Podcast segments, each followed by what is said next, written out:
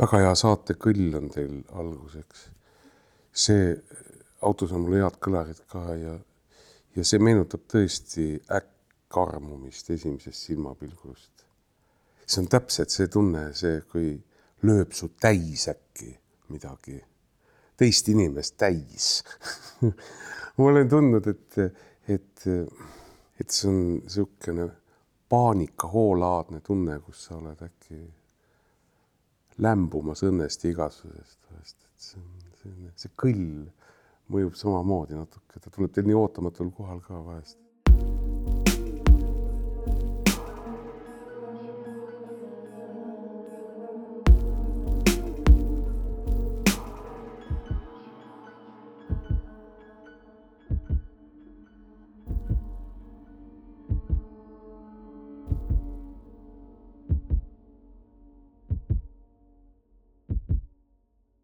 Aga saade on teil tõesti tore, ma võin teid kiita tõesti Kõrtsis ja kirikus, sellepärast et mm, me ei räägi jah, ja räägime sekundaarsetest asjadest.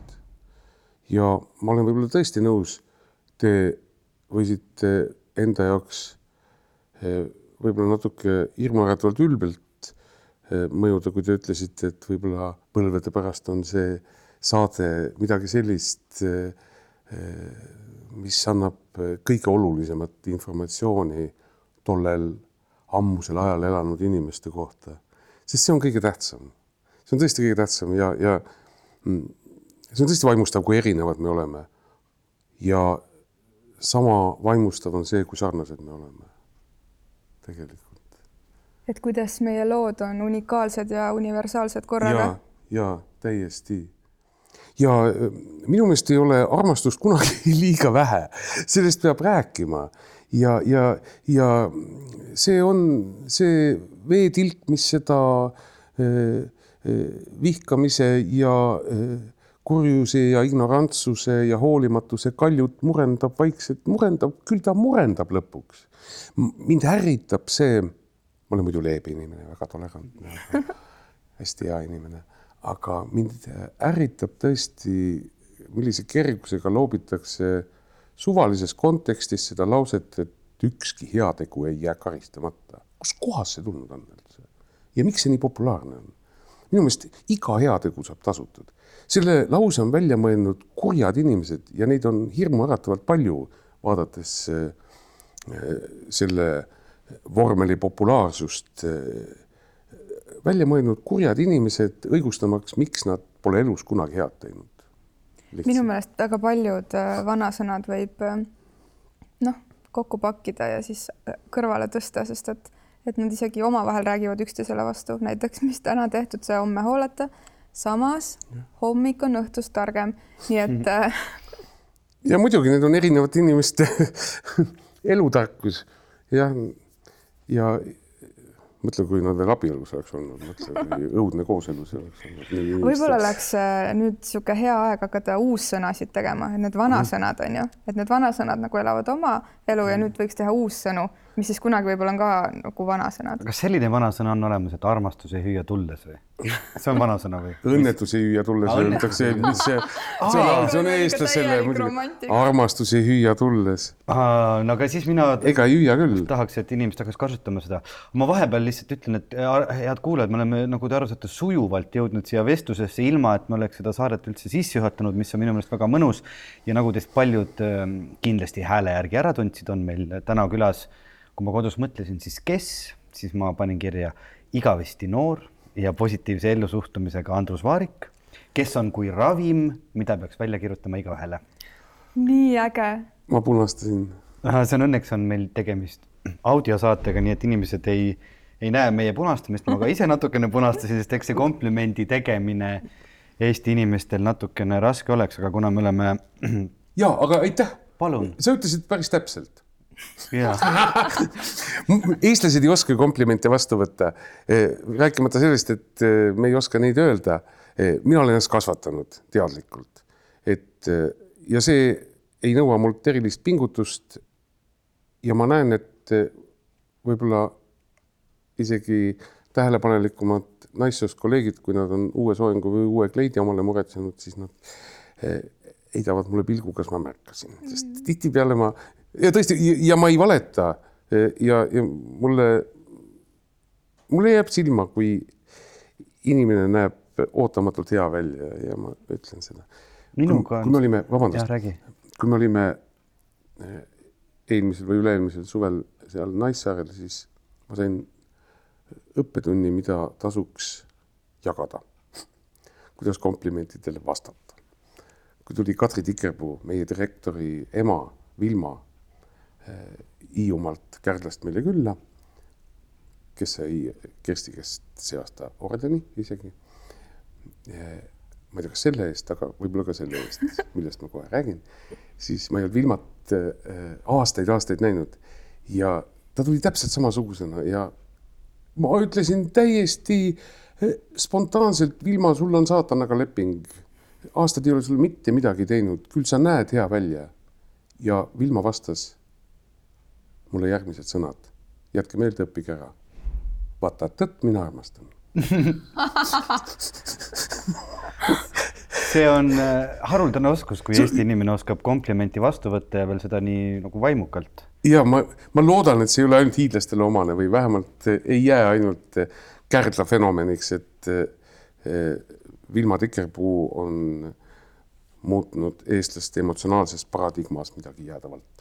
Minul on tunne üldse, et eestlased äh, ütlevadki vähe üksteisele häid asju, sest mina nagu sinagi noh, ma ei, ma ei ütleks, et ma armastan komplimente teha, aga see kuidagi mul ei tekita probleemi või kui ma näen kedagi, mul tõesti tuleb spontaanselt üle huulte ja ma üsna tihti saan tagasisideks seda, et oi, ma tänan, aga et sa oled umbes esimene, kes mulle seda ütleb ja ma olen juba päev otsa käinud sellega ringi ja mitte keegi ei märka, et ma siiralt tänan, et siis ma küll. meil on siis täna ilmselt saates kokku saanud äh, siuksed äh, tugevad komplimentide tegijad, sest et mina äh, teen ka tõesti komplimente ja võhivõõrastele inimestele tänaval sest et ma ise olen kogenud, kui äh,, kuidas selline hetk võib päeva teha, et keegi lihtsalt, võõras inimene tuleb sulle vastu ja võib-olla ütleb lihtsalt, et äh, teil on väga kena mantel. ja ma lihtsalt seisan ja korraks veel vaatan paremale ja vasakule, et kas minul siis olen üllatunud ja ütlen aitäh ja ma kõnnin edasi sellises nagu au tundes ja, ja, ja ma olen väga tänulik, et lihtsalt võõras inimene on otsustanud mulle nii-öelda, nii et ma olen hakanud ka seda tegema. mul on vaja sinna veel areneda, sellepärast et see oleks, kui see mul tuleks tõesti loomulikult ja spontaanselt ja, ja ma ei mõtleks, mis ta must mõtleb et mis ma tegelikult tahan, mis mu, mis mu sihuke salaagenda seal taga on, siis ma peaks selle ära õppima küll ka. eile õhtul läksin Solarise toidupoodi ja läksin tagasi autosse oma toidukotiga ja üks naine korraks vaatas mind, ootas vist taksot ja siis, kui auto ukse avasin, siis ta ütles, te olete mu lemmik ja ma olin, ma, ma ütlesin, ma vähemalt äh, suutsin viisakalt vastata, ma ütlesin talle aitäh ja see on nii tore, kui keegi niimoodi tänaval ütleb, et see on aitäh teile, et, et ei, seda ei juhtu tihti, aga, aga aga need ongi ja. need väiksed nöpsud, mis moodustavad lõpuks päeva, et kui tihti me jääme kinni mingisugusesse sellesse ütlemisse, kui keegi kuidagi kas nähvab või, või tuuseldab või ütleb midagi halvasti ja me ketrame seda kuidagi enda sees, võib-olla õhtuni, võib-olla läbi öö, terve nädala äh, mis iganes on ju pool elu mõni inimene. aga sa ütlesid mulle kakskümmend aastat tagasi seda, et täpselt samamoodi saame neid rõõmuhetki kanda. see on imelik, kui vahest hakkad mõtlema, mis su tuju ära viis, mis mõttetu pisiasi. muidugi vanusega tekib see äh, privileeg, et üha vähemaks jääb inimesi, kelle arvamus sulle tähtis on. Paratamatult äh, sa saad aru, et äh, noh, nüüd, kus ma saan kohe-kohe kuuskümmend, ma kuulsin ilusa väljendi, hauaeelikuna no lihtsalt paratamatult saad aru, et ei, ei tasu enam väga südamesse võtta. noh, paratamatult ka komplimente muidugi et mul on üks õelus, mul on üks salaõelus, mida ma olen paar korda rakendanud.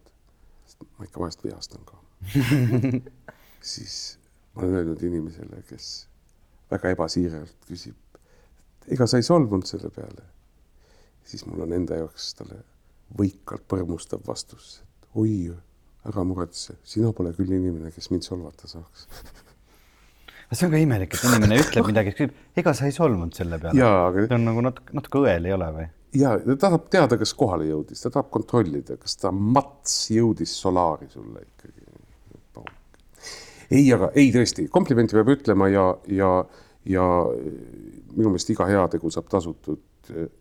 ja see on, see on nagu gripp tegelikult, see ju nakkab, ta natuke ikka nakkab mine inimesele lähedale, ütle midagi head ja tegelikult ta läheb edasi ja ta ütleb ka kellelegi midagi head.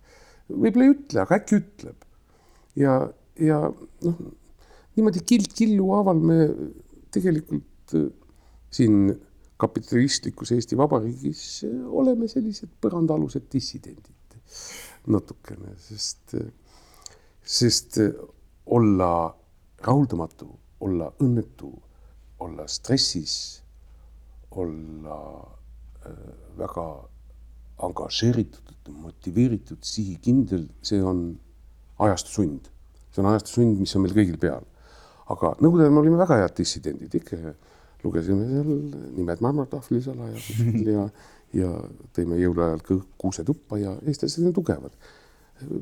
peaks selle kapitalismi suhtes ka olema natukene selline läbinägelik ja, ja just nimelt kapitalism on kurjust tootev tegelikult, minu meelest. see mina, mina, mina, ego, ego, ego ja sa ei tohi endaga rahul olla, sa ei tohi ennast armastada. Sul peab midagi puudu olema, et sa tormaks, sa toodaks, sa tarbiks edasi, et sa võrdleks ennast kogu aeg mm,. õnn on seal kuskil, õnn, õnn on seal, seal, seal kuskil kaugel-kaugel, sa ei, sa ei tohi õnnelik olla. sa ei ole õnnelik sul on veel palju puudu õnnelik olemisest. aga ei, nagu Fred Jüssi ütleb, mollutama peab, mollutama peab.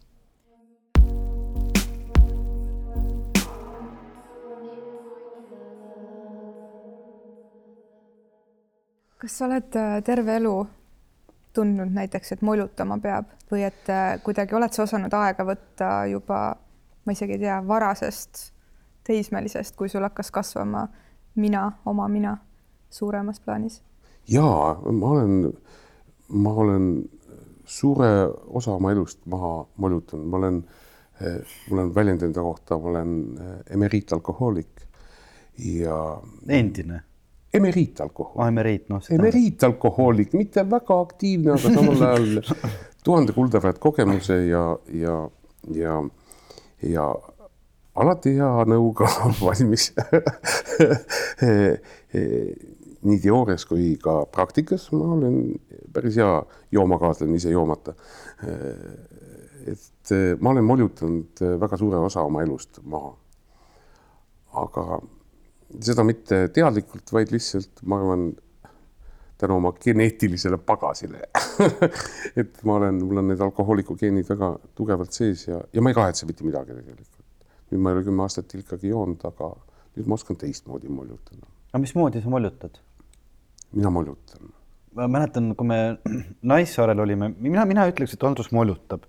minu meelest ta kogu aeg tegi midagi, küll ta lõikas roose, küll ta luges raamatut, küll ta käis parandas midagi, et see on ju selline mõnus tegevus. ma tegin äh, sellele lauatennise reketile uue varre, ma mäletan ja ei, ja ma lugesin palju ja ei noh ma ju postuleerin seda kogu aeg, elu on meelelahutus ju tegelikult, ükskõik, mis su meelt lahutab, tuumafüüsika või arvapartil muusika kirjutamine või, või, või on see rooside lõikamine või laste kasvatamine või mis ikka konkreetselt kõhtu ei täida, on kõik meelelahutus. on ju. Ja, ja kõige paremas mõttes, see ei ole minu jaoks äh, mitte protsentigi halvamaiguline sõna, meele, meelelahutus.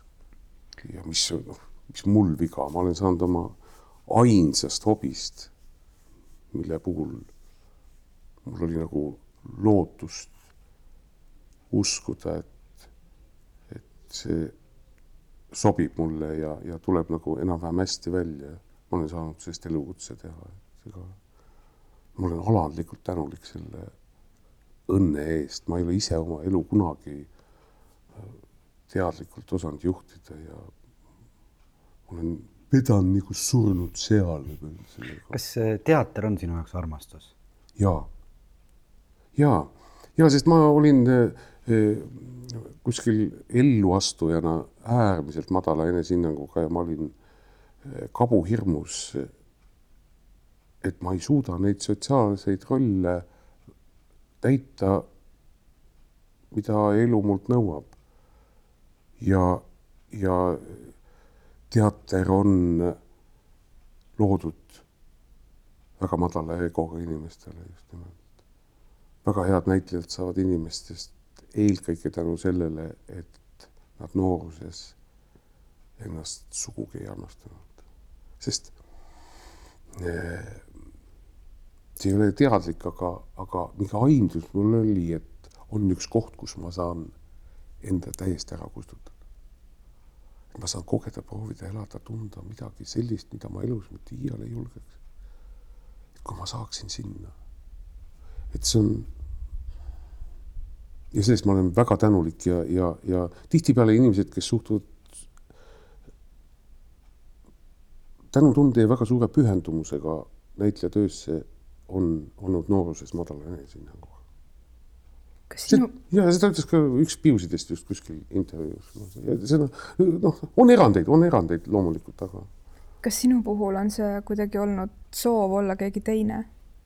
jah, jah, sest ma ei ole endale meeldinud ma olen üks kompleksi pundaralt ja, ja madala enesehinnanguga suhteliselt ja, ja aga see ei ole ka teadlik, see ei olnud niisugune teadlik, ma, ma üldse, ma olen kõlupea selline, ega ma ei, ma ei.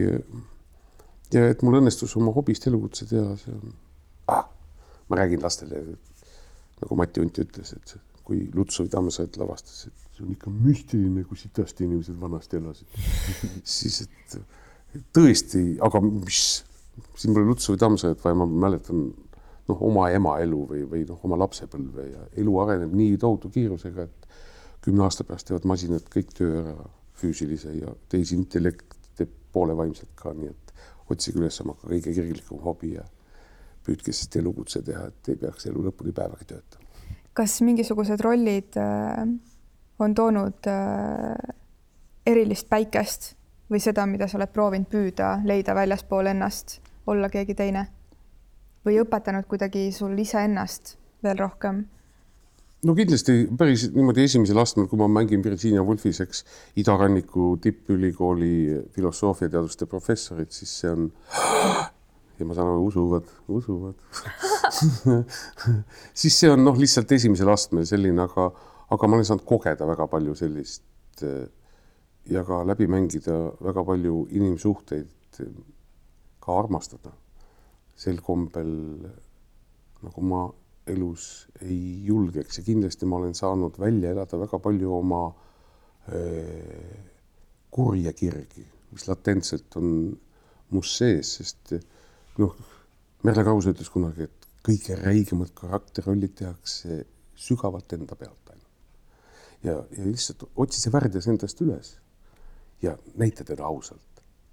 ja see on väga teraapiline elukutse selles mõttes ka, et eks sihuke Imre Arakas ja Jeesus Kristus ja, ja, ja ma ei tea, kõik meis on olemas tegelikult sees, Martin Helme ja kõik, kõik see on kuskil, kuskil peidus ikkagi ja, ja kui sa saad nad välja tuua ja tolmust puhtaks raputada ja neile näkku vaadata ja, ja, ja, ja lausa lavale panna, panna aga see nõuab ausust muidugi, et otsida endast üles.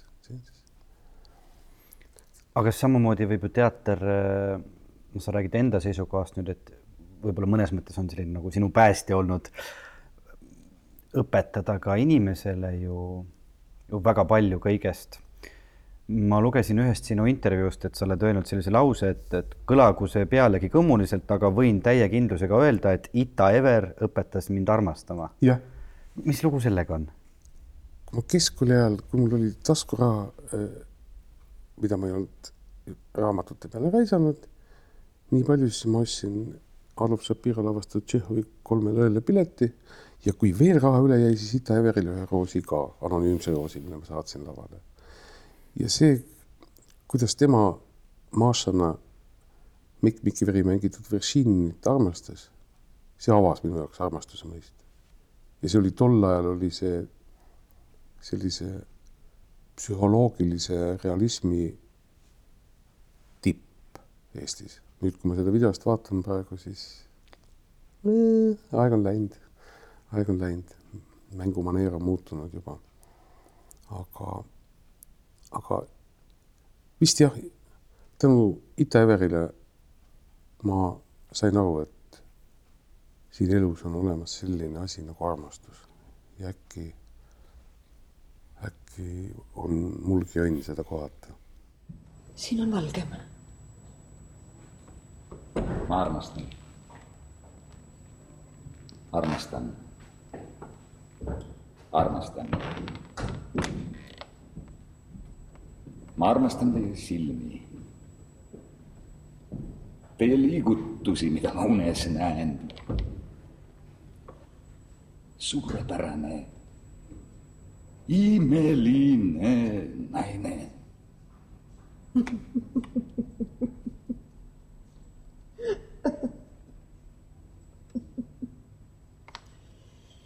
kui te minuga niiviisi räägite, siis näete, ma naeran millegipärast. kuigi mul on hirm. ärge rääkige rohkem, ma palun teid. ärge korrake. või muide, rääkige, rääkige, rääkige, mul ükskõik. siia tullakse, räägime millestki muust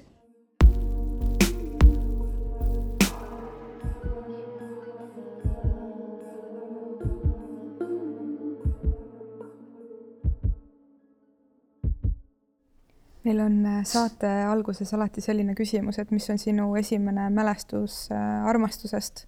kas, äh, kas enne seda lugu, mis sa praegu rääkisid, lapsepõlvest või, või ükskõik millisest ajast, tuleb sul armastusega seoses midagi meelde?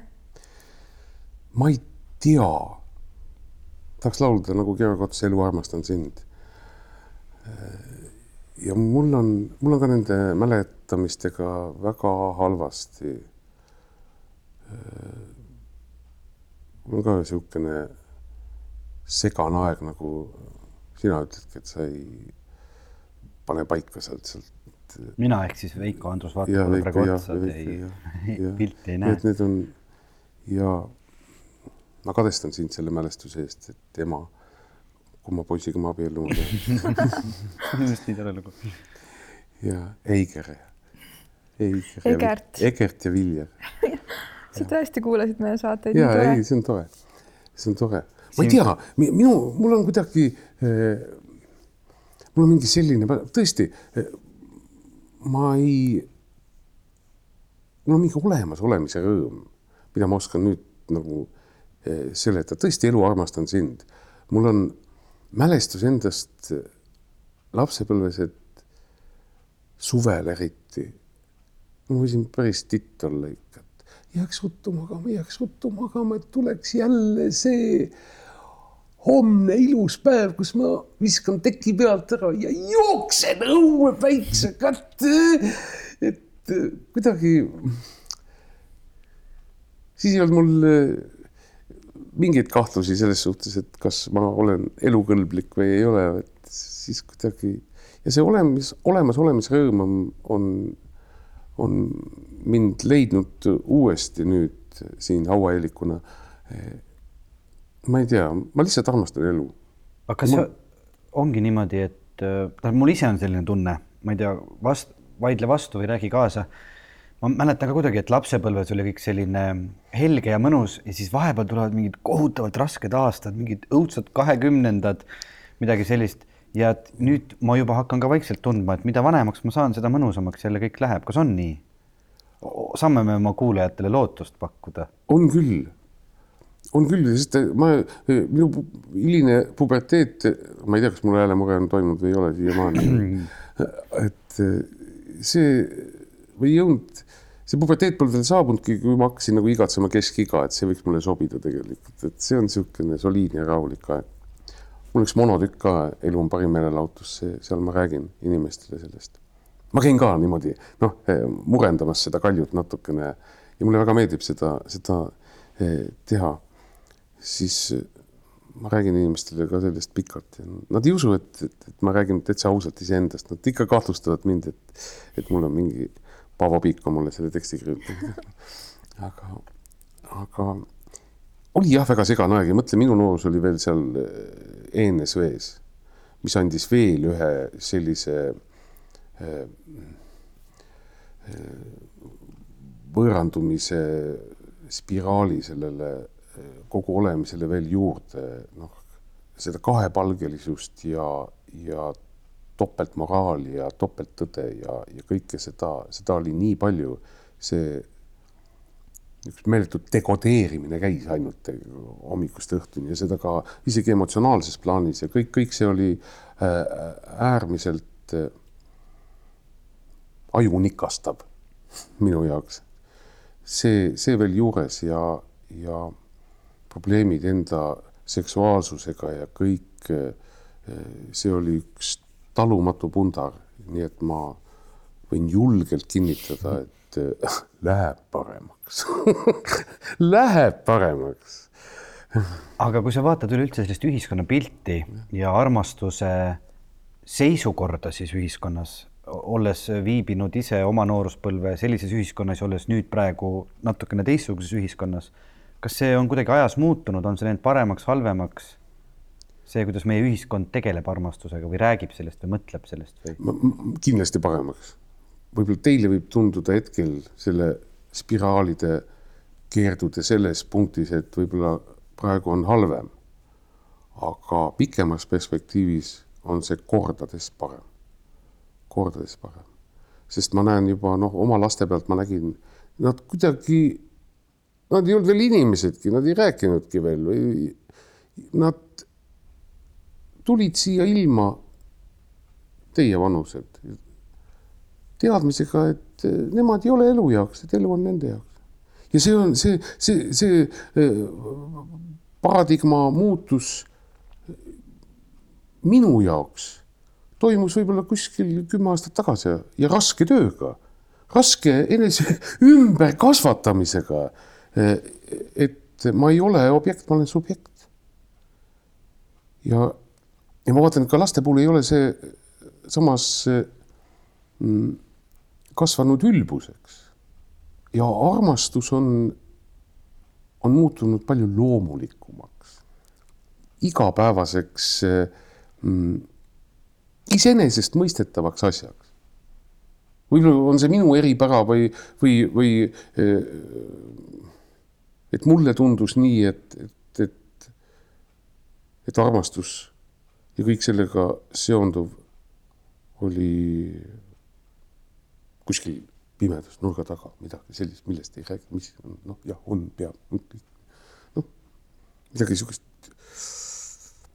kommunistlik puritaanlikku midagi sellist või, või, või, või, või eestlastele on see ka üldomane muidugi ma mäletan, et äh, kui ma kümnendas klassis äh, läksin väiksest provintsilinnast siis natuke suuremasse provintsilinna gümnaasiumisse ja tutvusin erinevate uute inimestega.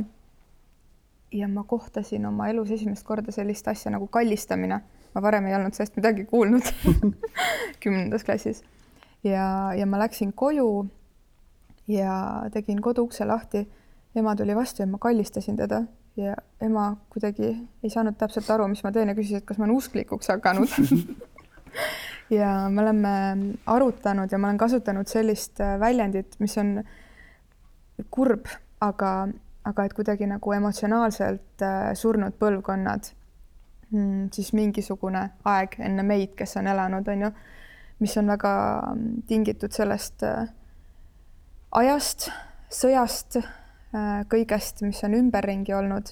Ja siis iga järgnev põlvkond on siis seda taaka justkui nagu vähem äh, kaasas kandnud. kuidas, äh, kuidas sulle tundub, Andrus, kas, kas iga järgnev põlvkond on kuidagi targem, on kuidagi avatum, on kuidagi suurem? õnnelikum kindlasti. näiteks mina ütlesin oma emale Keila hooldushaiglas, tema suri voodil esimest korda, et ma armastan sind. ta oli teadvuse juures veel täiesti ja kontaktne ja, ja mõtlesin, et kurat, ma ei ole talle seda kunagi öelnud. päris niimoodi. ma olen öelnud küll, küll sa oled tore ja küll sa oled armas ja, ja, ja kõiki selliseid asju, küll sa oled tubli ja, ja ta oli tõesti väga tubli. sellise jah, invaliidina kaks poega üles kasvatanud. kui ta oli meid vennaga suureks kasvatanud, siis ta aastakümneid ärkas igal hommikul üles ja ütles, issand, ikka elus, ei tea milleks mul kõik tehtud naised on üldse targemad kui mehed, ma räägin seda kogu aeg, nad mõtlevad liigi säilimise seisukohast, see on palju suurem tarkus. me teeme siin podcast'e ja teatrit ja filosoofiat ja sporti ja poliitikat. aga, aga, aga ma arvan küll, et inimesed, mina olen progressi usku, läheb paremaks, no kõik läheb paremaks. kõik on läinud nii palju paremaks juba minu eluajal ka väga sügavas inimlikus plaanis minu meelest. kahju, et see elu nii lühike on, tahaks ikka näha, kui toredaks loomaks see inimene veel areneda võib tegelikult. ma lugesin lehest, et inimesed, kes elavad valdavalt saja kahekümne aastaseks, on juba sündinud. ah nii, Need on minu Ruudi Aada, minu lapselapsed. ma vaatan neid uhkusega segatud kadedusega. aga, aga kas nagu mingi hirm on ka selle arengu ees, et me, sa räägid, et me noh, emotsionaalselt muutume järjest avatumaks ja, ja kõik nagu teemadest rääkimine läheb lihtsamaks. aga et kui sa vaatad see, kuhu nagu tehnoloogia areneb, mismoodi tekivad need tehisintellektid, kus inimesed suhtlema hakkavad, millistes sotsiaalmeediakanalites, et et, et kas, kas meid võib ees oodata ka mingisugune taandareng tänu sellele või? peab tähelepanelik olema küll ja Jaapanis tehti uuring, et miks eh, nii palju suheldakse kirjalikult läbi klaviatuuri ja selgus, et väga paljudele jaapanlastele mõjub inimhääl sama ebamugavalt kui puudutus. ja kui see on noh, kui see võib no, räige võrdpilt küll, aga et noh, mu tütar Marta helistab mulle ja, ja sealt niiskest emotsionaalsest suust tuleb mingi midagi fikseerimatut, see mõjub mulle täpselt sama vastikult, kui naabrimees paneks jälle käe püksi, eks noh, et need on võrdväärsed, siis eh, olgem ettevaatlikud. no vaata, mismoodi elu käib spiraale pidi.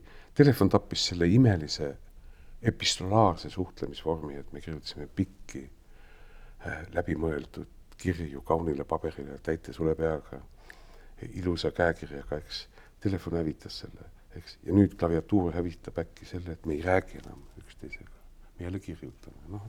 aga kas sina oled armastuskirju kirjutanud? olen. Nüüd jah, nüüd. Viimasel ajal, aga ma olen nad kirjutanud käsitsi paberile. Ja siis saatnud adressaadini läbi klaviatuuri. trükkinud siis ümber või? ja, ja trükkinud ümber. et mitte teinud pilti? jah ja. no te, teil on veel juba uus järgmine, järgmine tase, teete lihtsalt pildi ja. päris huvitav, et, et tahad ja. nagu olla personaalne, siis kirjutad kirja ja teed sellest pildi ja saadad inimesele. kuule, aga see võib olla täiesti novaatorlik idee praegu. aga miks sa posti ei pannud? Posti pannud, sellepärast et ma olen väga kärsitu ma ei tea, ilmselt see elektrooniline suhtlemine annab talle ka selle hetkelisuse tegelikult, et ta ei, kuigi ta fikseerub, aga, aga, aga ma ei kirjuta igavikule, eks no.. aga seal on vist ka see, et no.. ma ei kirjuta igavikule ja ma võin olla tegelikult noh, emotsionaalsem, võib-olla spontaansem, järelemõtlematum natuke. ja, ja eks me tahaks ju järjest kiiremini ka saada seda Vastust. mõnusat adrenaliini endale ja. tagasi, et, et kas ta luges läbi, mida ta vastab, mismoodi see tuleb. et äh, kui me räägime sellest ilusast äh, vanast ajast, kus tõesti ma võib-olla ootasid kaks nädalat seda vastust, millal see kirjakene tuleks ja siis, kuigi siis sa põlesid ka mingisugusel mõnusal, et tänapäeva tehnoloogiaga me võib-olla siis üritame ka armastust tarbida kiiremini. minu jaoks see ongi kõige suurem muutus, mida mina oma elu jooksul olen tajunud, on see, et me eeldame ja tahame ja soovime, et kõik käiks nüüd väga-väga kiiresti.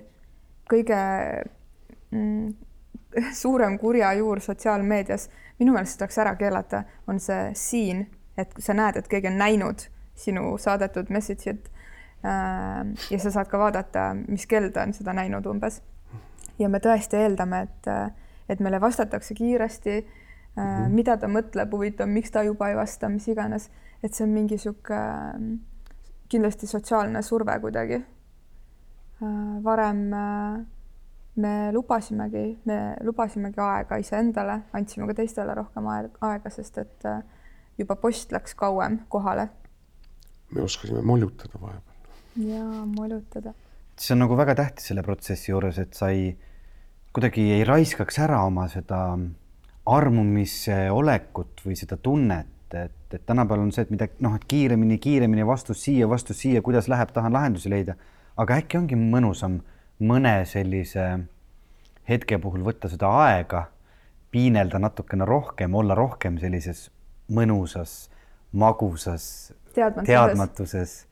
et äh, seda võiks ju täitsa praktiseerida. ma tean, et on, on suur kihk saada kohe kõike teada, aga täitsa, täitsa võiks, võiksite seda proovida kodus. võiks nautida oma kannatusi ka ei, tõsiselt yeah.. ja nagu sa ütlesid, see kuu aega Losti ja Punase veiniga, eks see ja, ja ma tagantjärele mõtlen, et tegelikult see oli mõnus. mõnu, ma. ongi mõnus vaata natukene seal piinelda selle armu valus või kõiges selles, et, et ühelt poolt on see tohutu selline emotsionaalne kaos. aga praegu ma isegi mõtlen, et täitsa nagu aeg-ajalt tekib igatsus peale, et tahaks sellist valu ka saada. ja tead, eriti minu eas see, et ma olen eh, võimeline tundma nii suurt valu veel see on positiivne kogemus. see on täiesti positiivne kogemus, et ma võin nii otsatult kurb olla, et ma võin nii äh, kiriklikult raevus olla. see on taeva kingitus, aga sel hetkel sa nii ei mõtle, aga, aga tegelikult juba kolm päeva hiljem ma suutsin mõelda seda, et saatus on mulle kinkinud kolmas kord, no ütlen kolmas kord hauaheelikuna veel sellise võimaluse olla nii õnnelik ja nii kurb. Sa ütled, sa oled seriaalide vaataja, mu lemmikseriaal oli see Six Feet Under kunagi. oo oh jaa, issand, mina olen seda ka vaadanud. sa oled ka vaadanud õudselt seda? meeldis. see on Toomas Newmanil parim signatuurmuusika, mis ta on kirjutanud. see, see kõlab niimoodi, et äh, tõesti laibalahkamislaudadel võid tantsida tegelikult. ja see on tõesti geniaalne muusika ja, ja seal mul on meeles üks episood, kus üks vana neegri vanamees oli seal matusekontori fuajees. ta ootas, kuni ta naise laibaga tegeleti, ta ei läinud ära sealt. ja seal see möll käis, kõigil need kuradi hormoonid talitlesid, nii et pritsis üle ääre ja, ja üks kepp ja tagaajamine käis ja, ja, ja kannatused ja, ja rõõmud ja armastus ja see sõna armastus, armumine, arma, arma, armastus, see käis sealt, seal fuajees aeg, see vanamees istus ja istus ja äkki keegi korraks väsis sellest soo jätkamise jahist ja istus ta kõrvale ja see neegri vanamees äkki ütles armastus, armastus. teate, mis armastus on? armastus on see kui te lähete koos kinno, sa situd ennast täis, ta viib su koju ja peseb puhtaks ja tegelikult peaks see minu, vaat minu eas ongi tegelikult see, peaks olema eh, minu armastus aga, aga kui vahest viiekümne eh, üheksa aastasena äkki eh, käib seesama laks ära, mis kahekümne viie aastasena ja, ja te siin ühes saates arutasite, kas on vahet selle kraadi mõttes ei ole. ei ole vist, sest see oli teil jutuks ka, et, et alguses tõesti kardad, eks, kardad, see kõik on uus. Ja, ja see, see eh, emotsionaalne tase on tänu sellele äärmiselt kõrgel värelev kuskil. Eh, ja võib-olla kuskil keskeas kui inimene on enda ja maailmaga ära leppinud ja, ja teadvustanud oma surelikkuse ilmselt sügavalt, siis võib-olla on see eh, rahulikum, iseenesestmõistetavam. aga nüüd kuskil kuuekümne aastasena, see on nii ebatõenäoline juba, et sa suhtud sellesse kuidagi äärmiselt noh, kui fenomeni kui, kui kurioosumisse, kui no anomaaliasse ja see annab vist selle, selle emotsionaalse taseme, sest sa tead, et eh, ma, ma olen elus olnud tegelikult kõrvuni armunud kolm korda. ja, ja mul oleks sellest kahest piisanud ka täiesti, sest paljud inimesed ei ole kordagi elus eh, eh, olnud armunud ja, ja, ja, ja paljud on, aga ei ole tundnud vastuarmastust. mul on eh, kaks fantastilist kogemust elu jooksul ja, ja, ja see on küll ja küll ma olen, nii ma arvasin, aga äkki nüüd, see on täielik, täielik taevakingitus. mul küll ei ole antud õnneusklik olla, saatuse kingitus. ja, ja siis võib-olla äh, suhtud sellesse jälle ebaadekvaatselt. jälle, jälle on sul kogu see tunnete skaala on, toimib täiesti anarhistlikult ja sa eh, kaotad kontrolli ja, ja, ja, ja mingit vahet ei ole, mitte mingit vahet ei ole. ja ise oled hästi õnnelik, issand, näe, ma elan, ma elan veel, ma elan veel. see on üks. ja vastamata armastus on ka tegelikult, ma, ma oleks, ma oleks ka sellega rahul ja see pole veel vastamata ka taeva näol. vastamata armastus on ka õnn tihtipeale, kui noh, mitte tol hetkel, aga juba teatavalt distantsilt, et issand, ma mõtlesin tõesti, et mulle on määratud see, et annaks, et oleks keegi, kes su kinost tulles täissütitud enam puhtaks peseb. see mõte tekitas mul küsimuse, et kas armastus on sama, mis äh, hoolitsus, kas selle vahel on võrdusmärk? sest minu jaoks see kino näide on, on hoolitsus hoolitsemine nojah, eks me kuskil sügavas sisimas me terve elu, no nooremas keskeas seda veel vist ei teadvusta, aga me otsime inimest, kelle kõrval surra.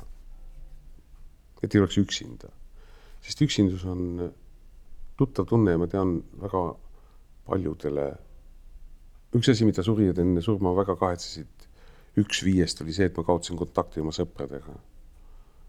aga kui su kõrval on veel inimene keda sa armastad ja kes ütleb, et tema sind ka armastab äh, kuni lõpuni, see on, see on väga haruldane vist. nii et ma arvan, et kui sa oled kaheksakümmend ja, ja peale kino sind sitast puhtaks pestes, pestakse, siis see ei ole hoolitsus, see on armastus armastus võtab teised vormid lihtsalt. ja kui nooruses võib-olla tõesti äh, tegelikult su motoorika määravad ära hormoonid, siis eh, eh, minu vanusena määrab selle anarhistliku emotsionaalse kraadi lihtsalt see uskumatus. et see on ebatõenäolisus, see ei ole, ma ei ole seda kingitust millegagi ära teeninud oleks võinud anda kellelegi, kes pole kordagi armunud mina jällegi usun, et iga kingitus on ära teenitud. ja ükski heategu ei jää tasumata. ja heas mõttes ei jää tasumata.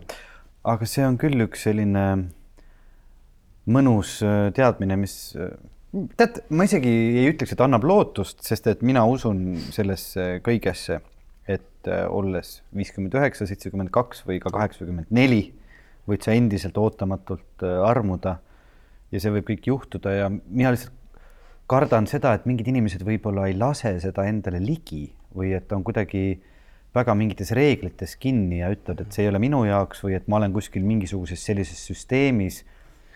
kõige rohkem mul ongi see hirm, et inimesed ei võtagi seda lõpuks vastu või kuidagi, kuidagi loobuvad sellest, et, et ärge te jumala eest seda tehke. aga meil oli täitsa konkreetselt siin teatris alles äsja võimalus jälgida Eneken Akselit ja Mladen Kisselovi, kes olid, kes Laden saab ju seitsekümmend viis nüüd praegu ja, ja nad olid ju öö, minust kümme aastat vanemad või rohkem isegi, rohkem, rohkem. Nad olid kümme aastat minust vanemad, kui, kui neil oli selline särisev, kirglik, hooliv, täiuslik armastusel baseeruv suhe, see ei ole üldse abstraktne, et never say never. muidugi see, et me otsime alateadlikult inimest, kelle kõrval me tahaksime surra, see saab alguse sellest, et me ei mõtle ju teatavas eas surma peale eriti sisuliselt. Me arvame tõesti, et see meiega ei juhtu ja, ja, ja ei peagi mõtlema. aga mida me otsime kogu aeg, seda ma usun küll, et me tahame, et me soulmate ja bodymate oleks üks ja sama inimene. et mul seisaks kõige kõvemini mu kõige parema sõbra peale, kõige kihvtima inimese peale, eks. mina olen palju sõprussuhteid keeruliseks ajanud tänu sellele, et, et ma igatsen ja, ja, ja unistan, et, et see võiks olla midagi rohkemat kui sõprus ja, ja oh, hoidku saatus et sellest märku ei anna, aga ma olen ka andnud märku sellest. Ja see on eh, teinud suht-, ei, kellegagi riidu pole päris läinud, aga, aga ilmselt me peame mõned need soulmate'id lihtsalt panema sügavkülma ja, ja lootma, et elu viib meid nendega kokku ükskord siis, kui me hormonaalne talitlus on juba täiesti eakohane hauaeelikule ja, ja, ja et meil on võimalus olla koos siis, kui, kui meil on just eelkõige sõpra vaja. ma mõtlen, et siin on võib-olla raske mingit nõu anda, aga, aga vaadates iseenda ümber ähm, ja oma sellises keskeale liginevas vanuseklassis on tõesti hästi palju seda. kolmkümmend neli keskealine. no ligineb ja me ligineme. ligineb, ma ei tea, mis tänapäeval see keskiga on, vanasti kolmkümmend neli oli juba vanur minu meelest, aga aga seda, et, et, et ma vaatan, et minu ümber on, on tõesti päris palju selliseid inimesi, kes on võib-olla jõudnud kolmekümne viie, neljakümne aastaselt äh, sinna faasi, et nad on leidnud selle inimese, kellega koos oleks ähm, noh, ütleme siis hea surra yeah., turvaline ja et elu lõppuvus nad ütlevad, et ma armastan sind, aga neil ikkagi on nagu tunne, et, et vahepeal on veel kolmkümmend aastat, kus ma võin, kus ma võiksin veel kogeda midagi veel teha midagi ja, ja, ja areneda kuhugi. ma ei teagi, kas siin on küsimus või, või kas siin on, kas keegi üldse saab nõu anda, et, et, et mida sellises situatsioonis teha siis? No Oskar Vail on öelnud, et ega me suures ei kahetse seda, mida me tegime, ainult seda, mida me ei teinud. ja, ja see on küll õige noh, enda seisukohalt, et et olla enda vastu hea. ma ei tea, vahest sa paratamatult oled kellegi vastu halb. ja tihtipeale sa oled halb sellepärast, et sa ei vasta tema lootustele ja tema püüdlustele sind omada, ainuomada. et see eesti keeles on hea väljend valdushimu see valdushimu on meis nii suur, et ta oleks ainult minu, ainult minu, ainult minu äkki võiks olla kuidagi, ma ei tea, demokraatlikum, budistlikum natuke, võib-olla, kuidas vabadus ja armastus sinu jaoks äh, ühte lausesse ära mahuvad? Armastus teeb vabaks. Red Bull annab tiivad. ei, ma tunnen küll, äh, kui ma olen armunud, siis ma olen vaba ma olen vaba, tähendab, ma olen kuidagi, ma olen saanud vabaks paljudest oma kompleksitest, oma äh, ängidest, äh, neuroosidest, et ma olen ja tõesti, tähendab, mina olengi armastust väärt. mind armastatakse. Ja see inimene, keda mina armastan, armastab mind. ma olen vaba äkki. ma olen stressist vaba, hetkeks vähemalt. Te mainisite ühes saates seda Call me by your name see on kummaline fenomen tegelikult, see on Tristanist ja Isoldest vist pärit minu meelest, nemad mängisid ka seda mängu. ja ma mõtlesin selle peale pikalt. ma praktiseerisin seda nüüd just eh, New Yorgis Starbucksis. Kui sa kassas ära maksad oma kohvitassi eest, siis sa pead ütlema oma nime hmm.. ja mina ei öelnud oma nime siis ma ootasin oma seda kohvitopsi ja siis hüüti tema nimi ja mina läksin ja, ja see on midagi sellist, mida see film mulle õpetas. et ma näen ennast tema silmadega. ja mina olen tema. Ma armastan teda meeletult. ja see olen tegelikult mina, kui me vahetame nimed ära. ja kui ma teen seda väga tõsiselt. ja see annab vabaduse. see annab mingi tohutu vabaduse tohutu õnnetunde. proovige seda praktikas, et ma ütlen, nimetan ennast temaks, keda ma väga armastan. ja ma olen samasugune. tähendab, ma armastan ennast siis sama palju. See on mingi nii kummaline fenomen, et proovige praktikas seda. no kas ei pane lendama?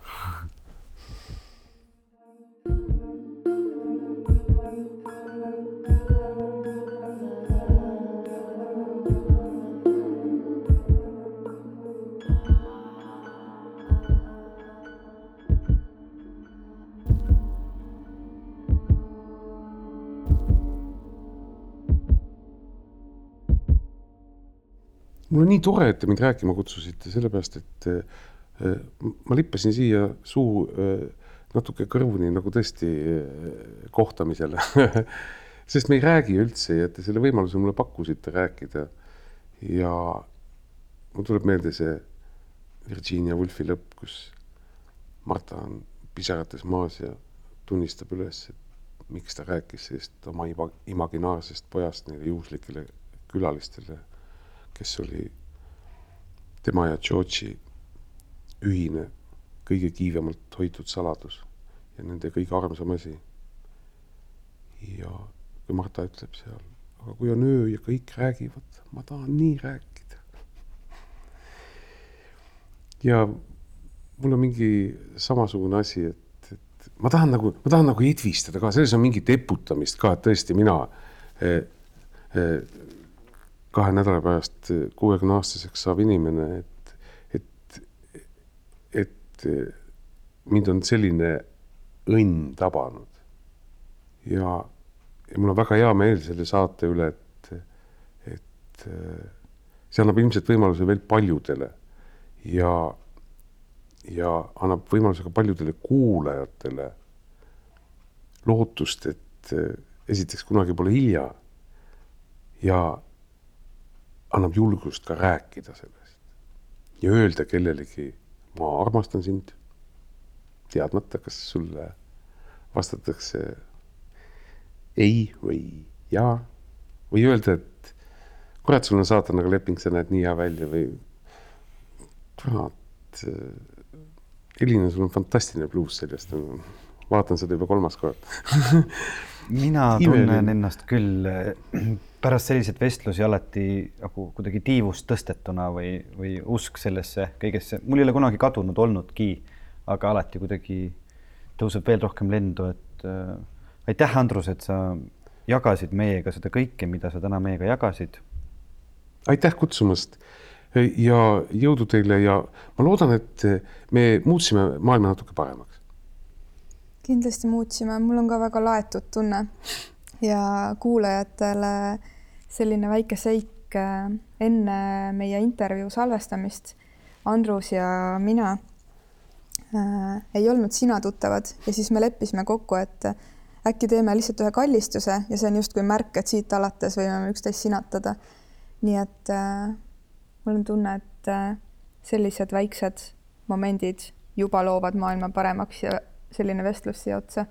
aitäh ja kui äh, teile meeldib see saade, teile meeldib see, mida me teeme, siis äh, kohustuslik info ikka lõppu, et te võite minna meie koduleheküljele ja vaadata seda, kuidas te saate meid äh, toetada ja anda meie tegevustele veel rohkem tiibu juurde. me oleme siin hetkel Linnateatri mõnusas sellises klubiruumis, kus juba uksed prõmmivad ja inimesed hakkavad meid siit vaikselt välja kutsuma ja Andrusel on siin uued tegevused ees, nii et aitäh kuulamast. uued arvamused. ja kui keegi tahab meile kirjutada, mida paljud on, on ka juba teinud, siis tere, et armastusest.com, kohtume. aitäh, head aega. aitäh